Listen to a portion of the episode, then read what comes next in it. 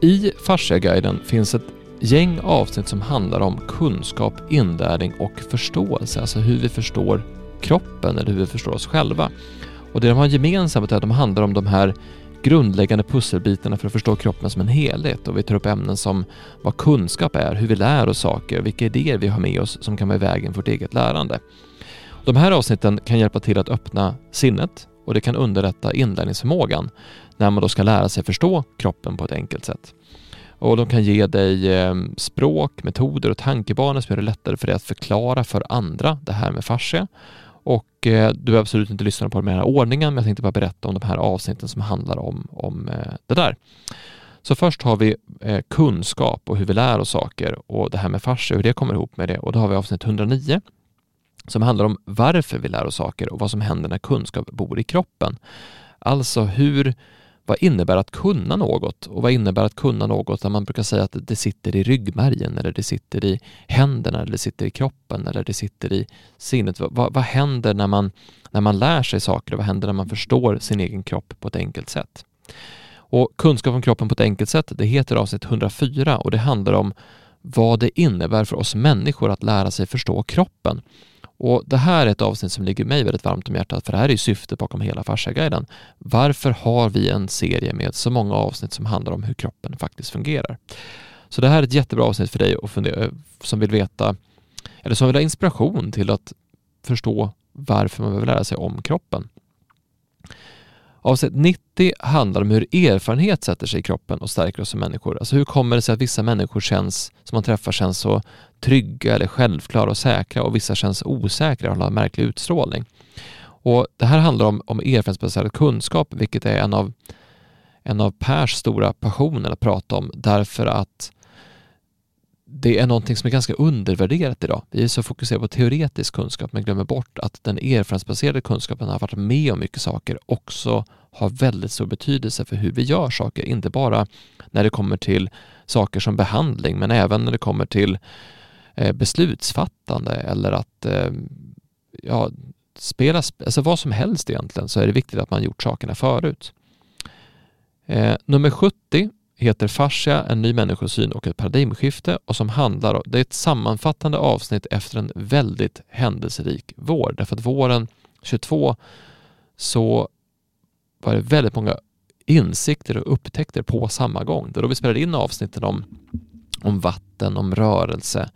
Eh, vi pratade mycket om tryck, om fascia, om förståelsen för allt det här. Vi pratade om vad en kropp är för någonting och hur man Ehm, hur man förstår människors potential och någonstans, och det var också då vi tog fram den här dokumentärfilmen, så att det handlar mycket om vad som händer när vi gör observationer som inte stämmer överens med vad vi tidigare trott om hur världen ser ut och fungerar, hur det är att vara fasciaforskare och varför det måste vara ganska svårt för dem att upptäcka att oj, det ser verkligen inte ut som jag trodde.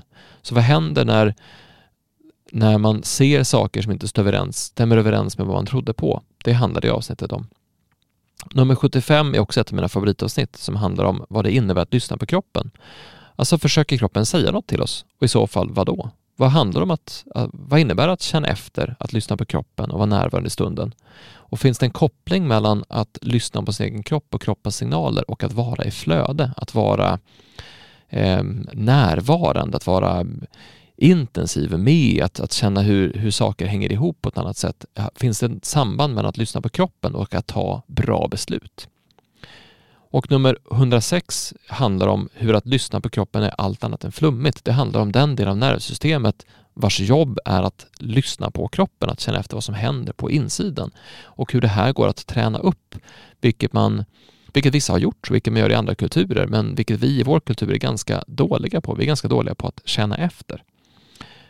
Och nummer 86 handlar om varför det är viktigt att prata om hur vi mår, hur samtal kan ha en läkande effekt och vilken roll samtal och lyssnande kan ha när det kommer till att förstå kroppen och förstå läkning. Och Det här är ett väldigt bra avsnitt för att förstå vikten av ens ord och en samtal och hur man är mot andra människor och hur det påverkar förmågan att utvecklas att vara i miljöer där man har en viss typ av ton, en viss typ av, av stämning. Sen har vi ett gäng avsnitt som handlar om det levande, alltså att förstå den levande kroppen.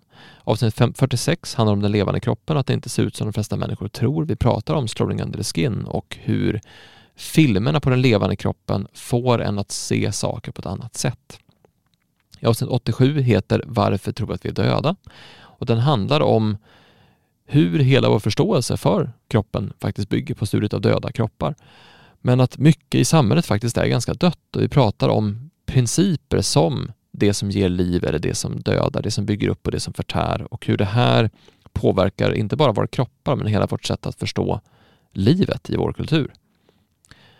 I nummer 72 handlar om hur mycket vi själva står i vägen för vår egen läkning, alltså hur vi genom förväntningar på hur saker ska vara åt det ena eller andra hållet faktiskt kan förstöra en upplevelse eller påverka läkningsförmågan och det här kommer från att vi har behandlat fruktansvärt mycket folk på mässor och det är intressant när man behandlar folk på mässor, när man har garden nere, när man kanske har druckit ett glas champagne och man kanske är på jättebra humör. Då kan, då kan saker som, som inte går att läka annars läkt jättefort. Varför är det så? Hur kan någon få jättebra resultat på en mässa medan när någon kommer till en klinik så är det mycket svårare att få till det?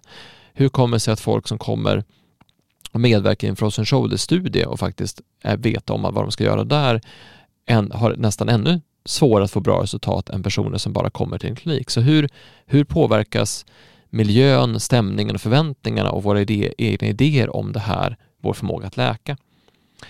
Och sen så har vi slutligen avsnitt 80 som handlar om vad som händer när fascia slår igenom. Alltså vad innebär det? Vad skulle det innebära ifall fascia faktiskt slog igenom?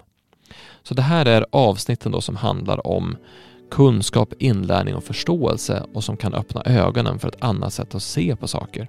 Och det kan underlätta vår förmåga att lära oss saker eller förstå saker på ett annat sätt.